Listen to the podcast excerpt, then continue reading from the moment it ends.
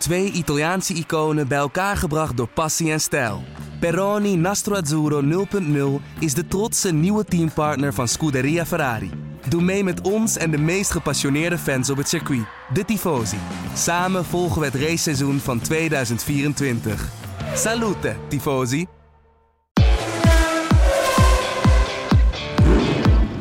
Dit is de Formule 1-podcast van De Telegraaf. Erik van Haren en Christian Albers praten hierbij over het belangrijkste Formule 1-nieuws. Nou, Christian, je had niet, uh, niet zoveel gezegd vorige week in de vorige opname van de podcast. De Nürburgring, wisselende weersomstandigheden. Gelijk de hele vrijdag letterlijk de mist in. En heel weinig te doen in de omgeving. Dus uh, ik was gelukkig goed voorbereid dankzij jou. Ja, het is gewoon een super gaaf circuit. En uh, ja, ik heb daar vroeger natuurlijk best wel veel gereden. Want ik reed natuurlijk uh, Duits Formule 3 kampioenschap. En ik heb daar natuurlijk ook nog met Formule 1 gereden. Het is gewoon een gaaf circuit. En uh, zeker uh, doordat daar zo in die eivel ligt. Ja, dan kan het achterin ja, regenen. En, en bij de start-finish kan, het, kan, het, kan de zon schijnen. Ja, de regen pakte niet echt door tijdens de race. En op zaterdag ook niet. Vrijdag natuurlijk wel. Maar daar was vooral de mist de spelbreker. Dat maakt het, vond ik ook wel interessant, dat die twee trainingen wegvielen op een circuit waar de Formule 1 natuurlijk al lang niet was geweest. En in dit hybride tijdperk helemaal niet. Veel minder tijd op de baan om, om de baan te voelen, zeg maar. Dat, dat merk je dan ook dat de echte coureurs dan toch wat meer boven komen drijven. In die, of hebben ze aan die ene training op zaterdag ook al genoeg, denk je? Nou, het allermooiste is natuurlijk is dat gewoon Max veel dichterbij stond. Ja, in de kwalificatie. En waarom stond, ja. Hij, dicht, ja, en waarom stond hij dichterbij?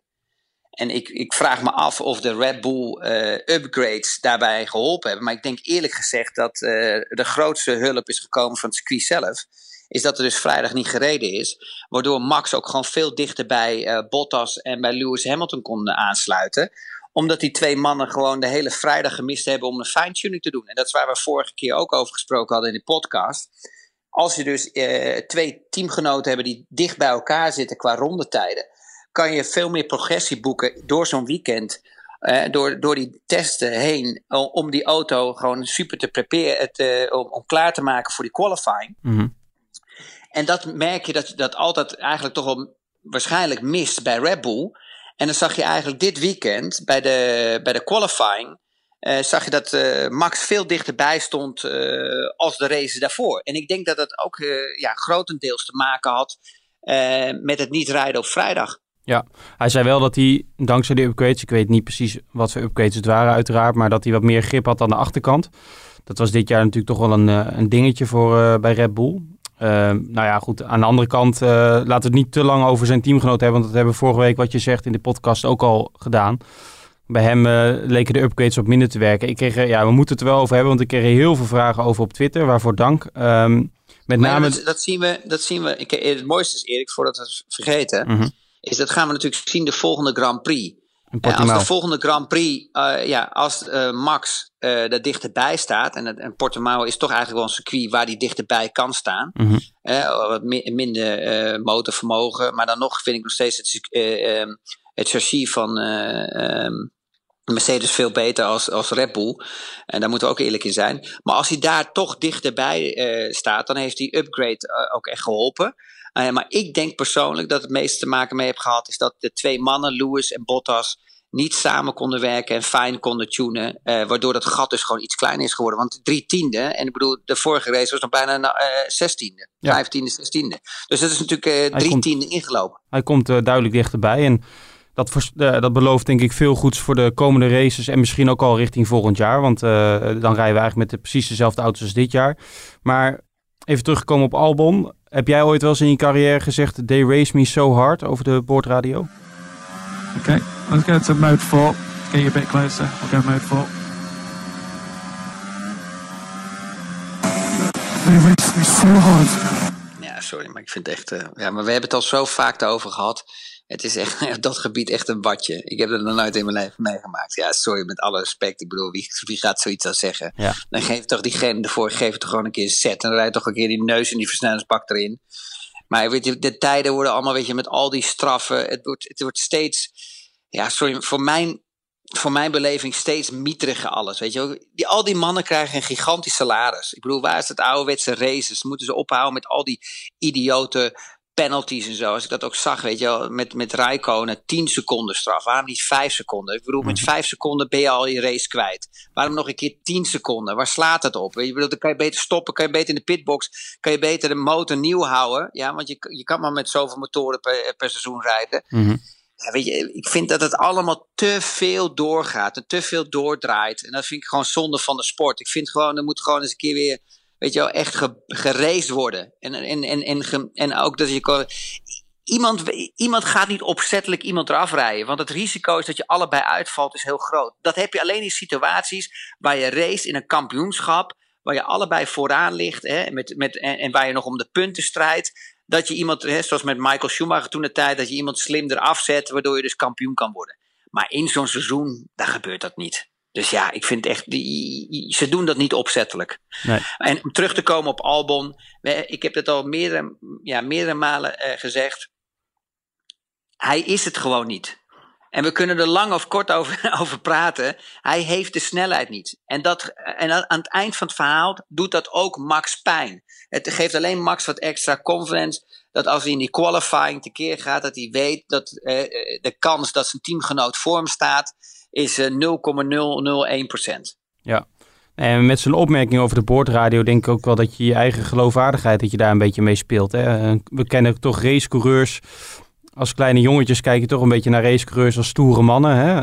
Eh, die, eh, die racen tot de van de de snede. ook. Maar de toon en de manier waarop... Ik heb, vorig jaar heb ik in Singapore, eh, toen, eh, dat was denk ik de derde race uit mijn hoofd van Albon bij Red Bull. Toen hij natuurlijk in die auto was gezet. Toen heb ik bij de tweede training, eh, nam Jos Verstappen, de vader van Max, me mee in de garage. Toen hebben we de- hele race, of de hele eh, v- tweede vrije training, sorry, hebben we eh, naar de boordradio geluisterd. En als je dan het verschil merkte tussen Max en Albon... ehm, ja, dat is een, echt een Ja, wereld van verschil. maar dan hoef je toch niet te, dat verschil hoef je toch niet te horen.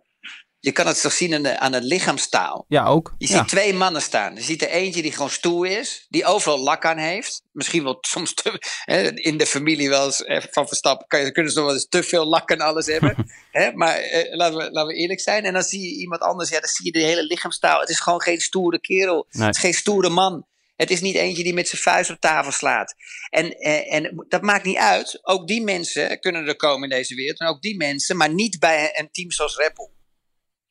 Nee, maar denk jij dat, daar kreeg ik wat vragen over, eh, even samengevat. Denk je dat dit een beetje, ja, of dat dit nu wel het einde is voor hem? Dat hij, eh, kijk, Helmoet Marco zei zondagavond ook weer, onze intentie is om met hem door te gaan. Maar ja, als, het, als hij niet presteert, dan gaan we toch naar buiten kijken. En dan zijn Perez of Hulkenberg waarschijnlijk beschikbaar. Kijk, als je dat soort dingen gaat roepen, dan geef je al aan, we zijn niet 100% overtuigd van deze coureur. Ze waren al na drie races niet overtuigd. Alleen ze hebben geleerd van de fouten van, voor, van, de, van de jaren ervoor. Met Gasly, die ze afgebrand hebben, waardoor ze nog meer druk op zo'n jongen gelegd hebben, waardoor hij nog meer fouten ging maken. En ja, om heel eerlijk te zijn, er is geen, er is geen andere keuze. Het ligt ook, het ligt ook eigenlijk aan Red Bull. Ehm, wat ze willen doen eh, qua budget. Hè? Ik bedoel, als je een andere coureur pakt, hè, misschien vraagt een andere coureur iets meer eh, salaris. Eh, een, een ervaren coureur. Maar aan de andere kant, ehm, uit mijn ervaring, bij Red Bull, al die junior teams, hè, zoals Alfa Tauri, waar, waar die andere mannen rijden, daar werd ook niet zulke gigantische salarissen betaald in het begin. Dat, dat is eigenlijk, die, die, die hele hoge salarissen komen pas echt bij die topteams. Hè, en als je echt ook presteert, dan, dan, krijgen ze, dan, dan, dan gaan ze ook meer verdienen in verhouding. Dus ja, het is maar wat, wat Red Bull op dit moment. Maar, maar één ding is zeker, ik weet zeker 99% dat gewoon volgend jaar gewoon iemand anders, na- eh, iemand anders naast Max rijdt. Ja, en dan kan het Hulkenberg of Perez worden, eh, althans als je tussen de regels doorleest. Jij Ja, voor Russell, maar Waarom? Er zijn ook nog andere coureurs. nou, noem er eens één dan. Nou, ze kunnen ook weer eentje van, eh, van, van hun juniorprogramma afhalen.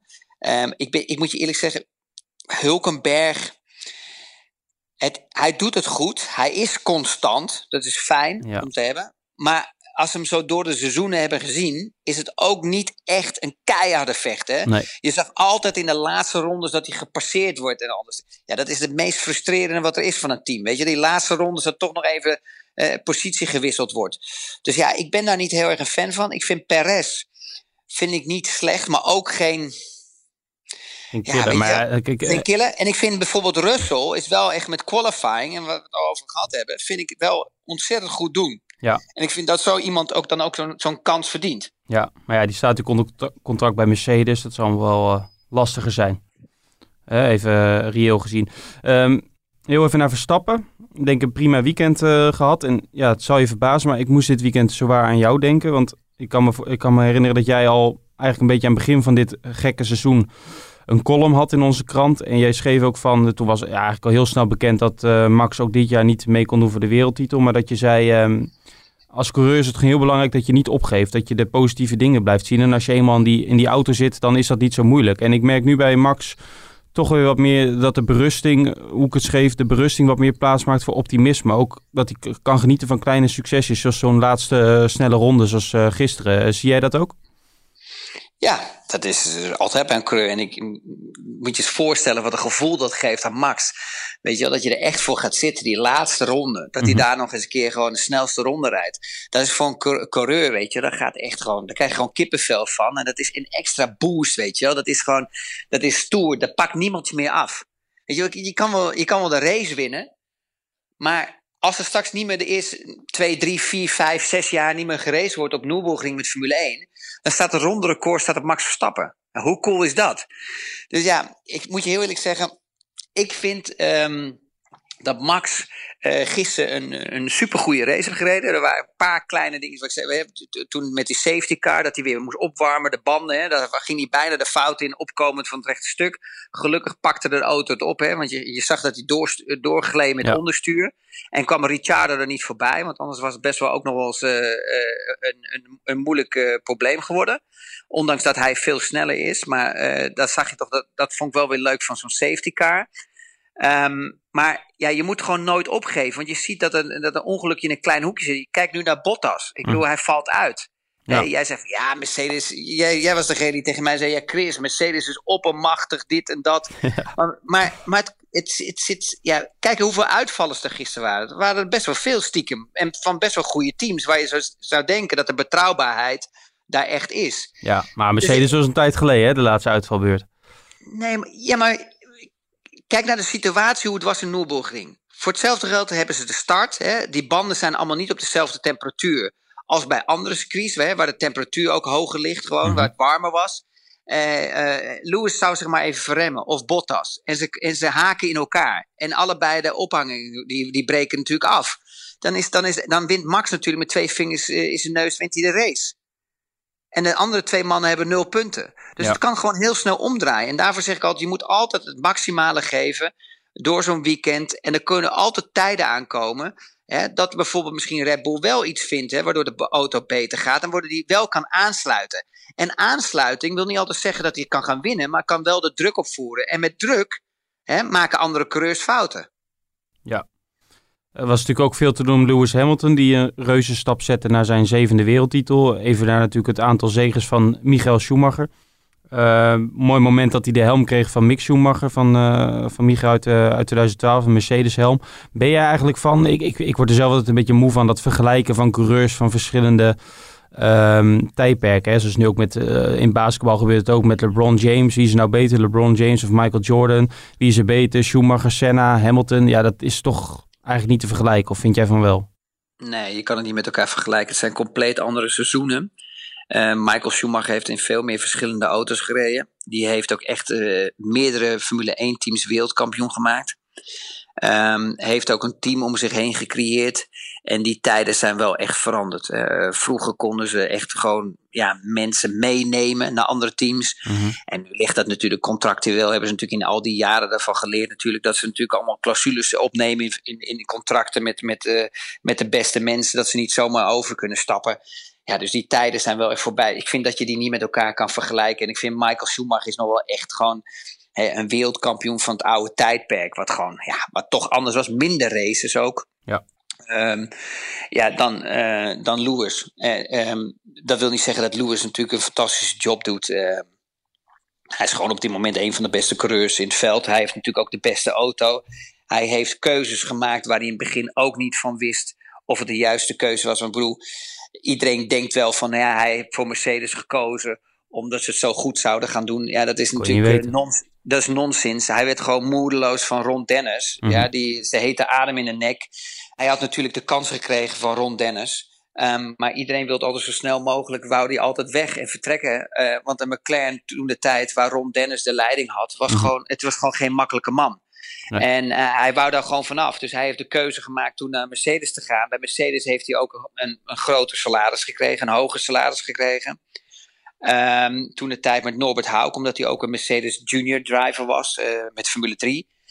Ja, eh, en, en, en, en dat was ook gewoon een, een, gok. En die gok die heeft goed, ja, die heeft goed uitgepakt. Hij, hij, kon, hij kwam daar eigenlijk ook weer in een goede auto terecht. Maar daarna hebben we hem eigenlijk nooit meer zien veranderen. Hij heeft altijd bij dezelfde teams gereden. En ik vind bij Michael, weet je die heeft wel gewoon ook wel echt risico genomen. Hè? Die, is gewoon, die, is, die is gewoon bij Ferrari ingestapt. eh, terwijl het gewoon echt een drama was. Ja. Eh, die, die, gewoon, die, die, die konden gewoon niet winnen. En die heeft wel zo'n team om zich heen helemaal gebouwd. Dus ja, ik vind het heel erg moeilijk om die, om die eh, ja, vergelijkenis te maken. En ik vind het ook niet eerlijk, want het zijn altijd gewoon totaal andere tijdperken. Ehm, laten we even kort wat dingen doornemen van de Grand Prix van de Eifel. Ehm, ten eerste Mercedes nog even. Het, het DAS-systeem is natuurlijk dit jaar heel veel om te doen geweest. En eh, is, eh, is ook alleen dit jaar toegestaan, hè, volgend jaar verboden. Heb jij het idee dat ze daar veel profijt van hebben ge- getrokken? Of profijt trekken, is dat een goed Nederlandse zin? Ik denk het wel. Onder deze koude omstandigheden? Nou, mijn Nederlands is ook slecht. Ja, nee, dat weet ik. Ik kan het beter niet aan jou vragen.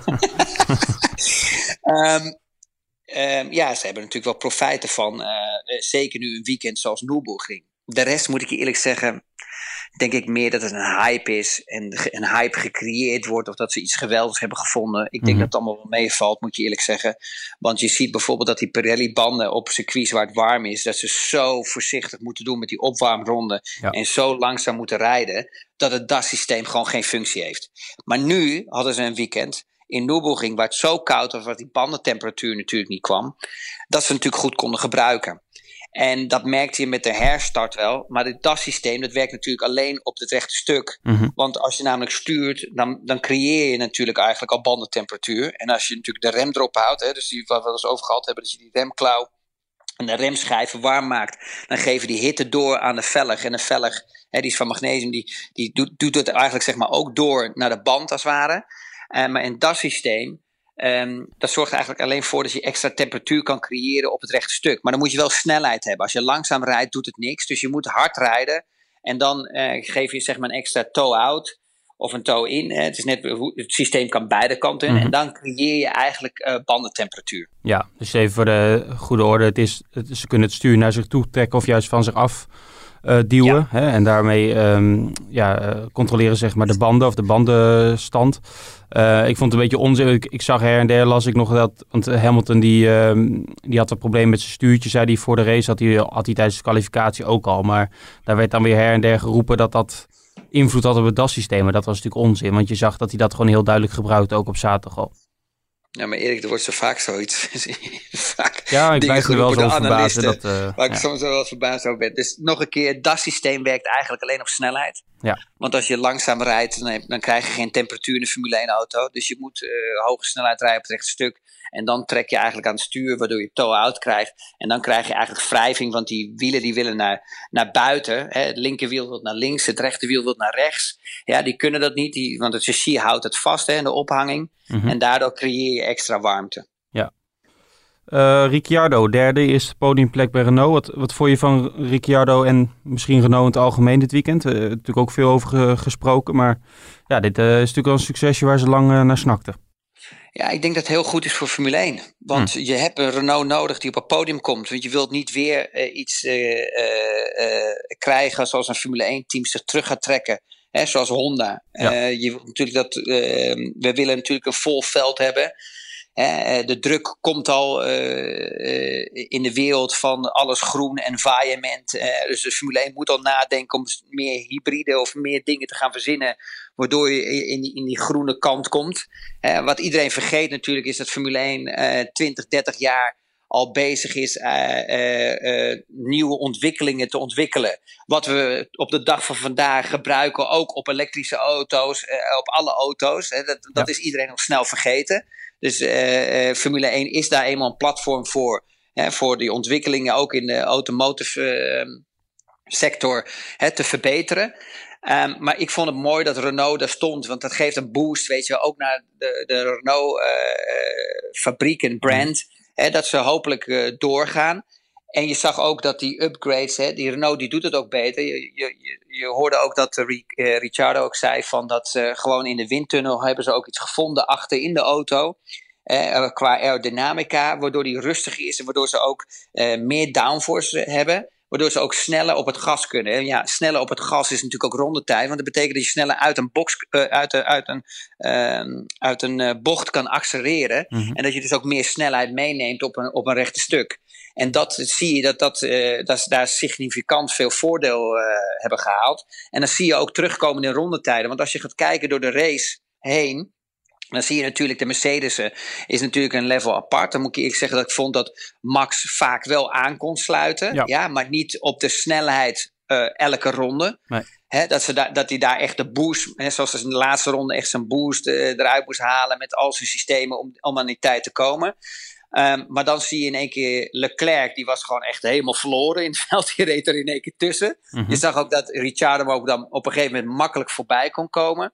En dan zag je dat Ricciardo toch goede rondetijden reed. Dus eigenlijk ook een beetje in niemands land. Hè? Dus je had bijvoorbeeld uh, Mercedes, hè, die super sterk was. Daar zit zeg maar 5, 16e uh, uh, max achter. Ja. En dan heb je weer zeg maar 6. Ja, en dan heb je weer even niks. Dan krijg je Ricciardo. En dan heb je. Hè, die, Ricciardo zit daar ook bijna een kleine een seconde achter. 1,2, 1,3 seconden achter.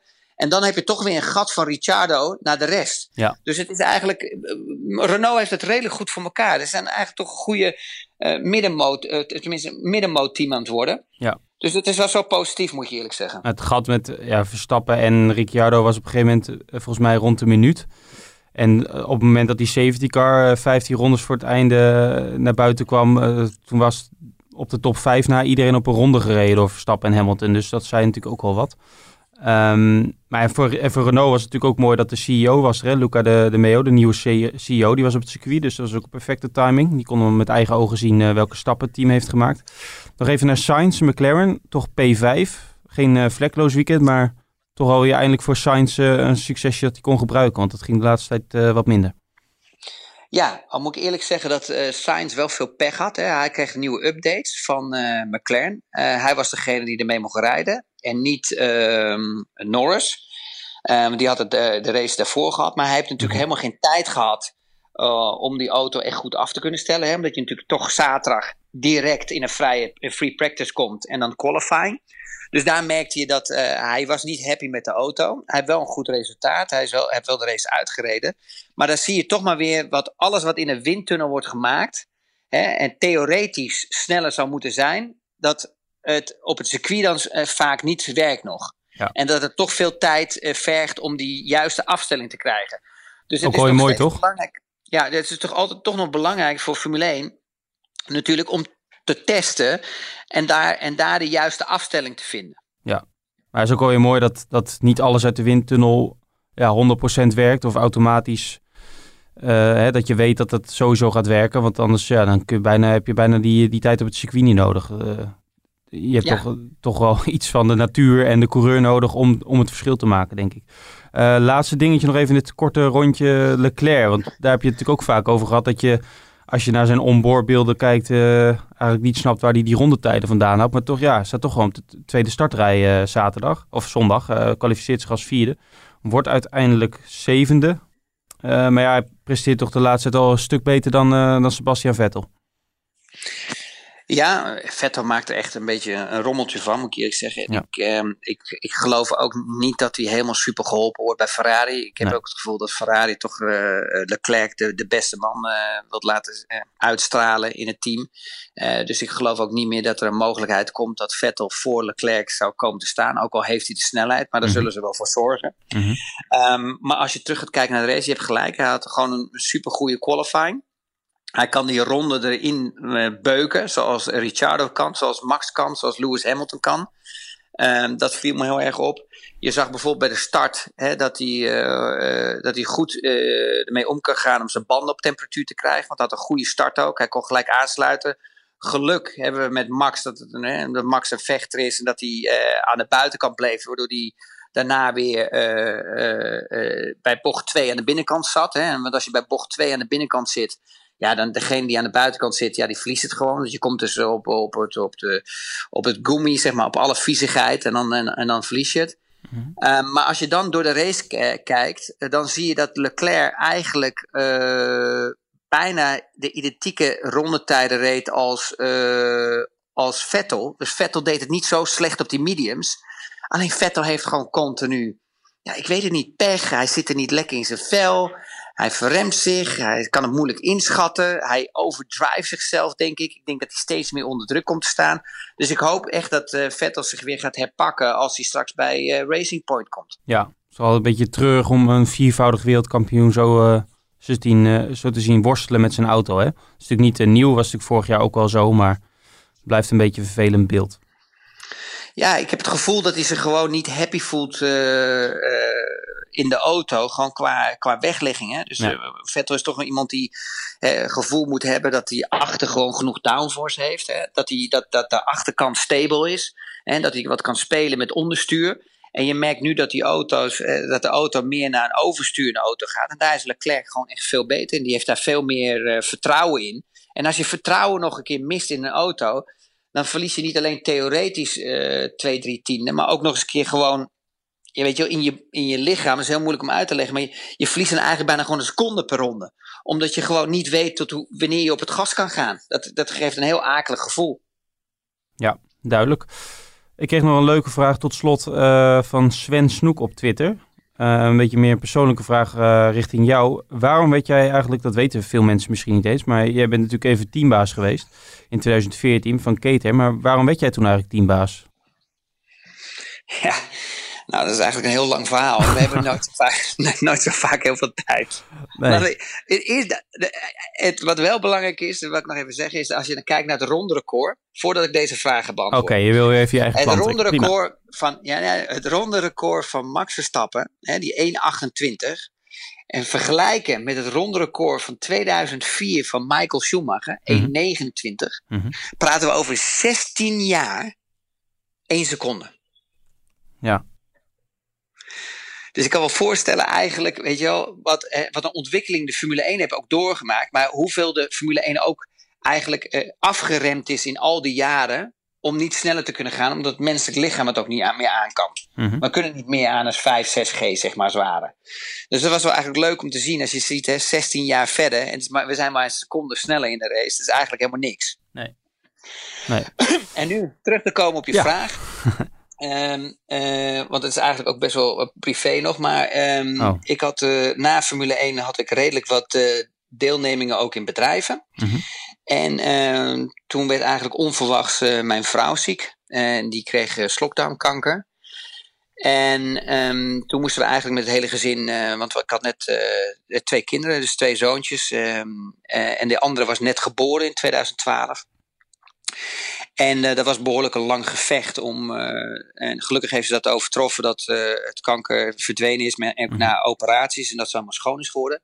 Maar dat betekende dat ik twee, drie, vier jaar niks meer heb gedaan. Hè? Dat ik me eigenlijk helemaal teruggetrokken heb, ook zakelijk, in, met mijn deelneming in bedrijven, maar ook gewoon te focussen op de familie en op haar. de kinderen naar, naar de crash en al dat soort dingen en, en een beetje zorg dragen ervoor. Um, en toen eigenlijk, toen zij schoon uh, was en uh, we eigenlijk het leven konden oppakken, waar we eigenlijk gezegd hadden dat we eigenlijk alles uh, desastreus, alles zouden veranderen. En dat we alleen maar zouden genieten van, deze, van dit leven. Pak je eigenlijk toch weer alles snel op weer naar het, naar het oude leven. Weer stress, weer keihard werken. En dat is wel jammer altijd. Maar toen besloot ik, toen werd ik eigenlijk opgebeld door Colin Collis. Mm -hmm. En die had een Swiss consortium die Formule 1 team wou kopen. En toen zei hij, vind jij het uh, leuk hoor, nu je niks eigenlijk te doen hebt, uh, om daar eens uh, met mij over te praten. En toen hebben we daarover gesproken. En toen heb ik daar een budget voor gemaakt, een running cost, om dat team te gaan begeleiden. En toen ben ik erin gestapt. En ehm, moet je eerlijk zeggen, ik, dat vond ik eigenlijk een superleuke job. En ik heb het reuze naar mijn zin gehad. Het was wel zwaar. Ik moest daar wel eh, eh, continu verblijven. Ehm, en we hebben daar ook echt veel uh, ontwikkeld. Uh, het was niet leuk, want ik moest de eerste dag uh, 120 of twee, ja, na drie, vier dagen 120 mensen ontslaan Zo. om het team levende te houden. En het werd me niet in dank afgenomen. Daar waren mensen heel erg boos. Maar ja, um, het is beter om met 300 mensen door te gaan als een bedrijf ja, in bankruptcy te laten gaan met 420 mensen. Dus daar moest ik keuzes in maken. En uh, ja, dat ging eigenlijk hartstikke goed. Alleen uh, op een gegeven moment uh, had het uh, Swiss Consortium, die had toezeggingen van mij gedaan om dat team het, het, budget erin te stoppen, kapitaalinjectie te doen, elke maand. En ja, daar kwamen ze eigenlijk niet mee na twee maanden. waardoor ik eigenlijk alleen maar op televisiegeld moest runnen. En daar kwamen we elke keer tekort dat het zo ver kwam dat ik af en toe zelf mijn creditcard moest uh, trekken voor uh, personeel in hotels uh, te betalen bij races zoals Spa-Francorchamps en zo. Mhm. En toen heb ik gezegd van oké, weet je, dit gaat niet langer. Toen heb ik een bod gedaan op het Formule 1 team. En dat vonden ze te laag, daar zijn ze niet mee akkoord gegaan. En toen heb ik gezegd van oké, dan, dan, ga ik, dan trek ik weer mijn eigen plan. Maar ik vond het wel echt heel leuk om te doen. Ja. Hoe lang ben je dan teambaas geweest? Een paar maanden, toch? Ja, ja drie, vier maanden of zo. Ja. Vijf maanden, zoiets.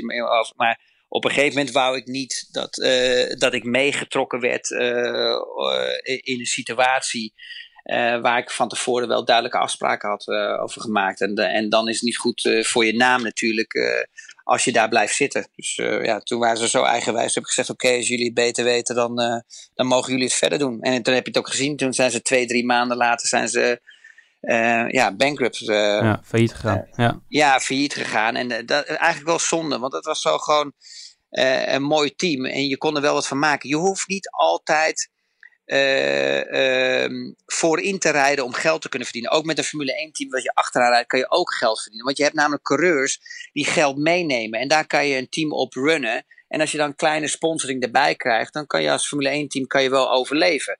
Um, en je moet dan ook niet de intentie hebben om een Ferrari of een Mercedes of wat dan ook te kunnen verslaan.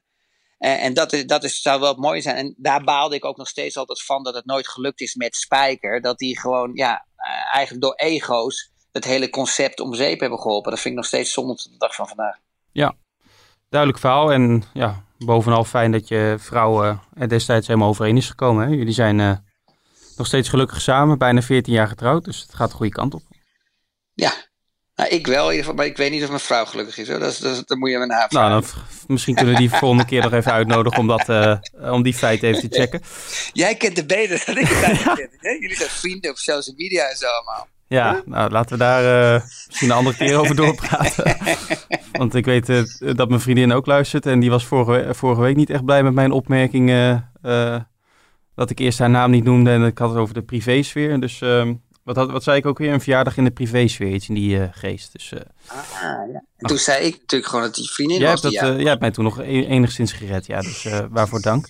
Ik denk dat we er wel doorheen zijn. Ik, ik, misschien nog even goed om te vermelden, als je het een leuke podcast vindt, kun je ook een recensie achterlaten of een beoordeling. In ieder geval in de iPhone of in de podcast app van iTunes. Dat helpt ons weer om beter gevonden te worden. Maar volgens mij gaat het aardig goed met luisteraars, maar uh, meer luisteraars. Ja, maar laat ze vragen stellen, hè? want heel veel mensen, weet je, je krijgt door al die analisten allemaal zo'n verkeerd beeld van Formule 1. Dus het is gewoon 70% wordt gelogen. Laat mensen gewoon vragen stellen. Dan Ja. kunnen we die beantwoorden. En Ja. dan hebben ze ook, die men, die, de fans hebben recht gewoon op gewoon ook eh, eh, eh, eh, gewoon goed advies, of tenminste eh, eh, goede antwoorden en zo. Ja, dat kan via mijn Twitter-account Erik V. Haren. Of ze moeten een postduif eh, sturen naar Monaco, maar dat eh, duurt misschien wat lang. Die komt nooit aan. Nee, daarop. Chris, eh, bedankt weer. Laten we over twee weken weer eh, eh, spreken en dan over de Grand Prix van Portugal. Ik ben heel benieuwd. Bedankt voor het luisteren. Ja, bedankt voor het luisteren.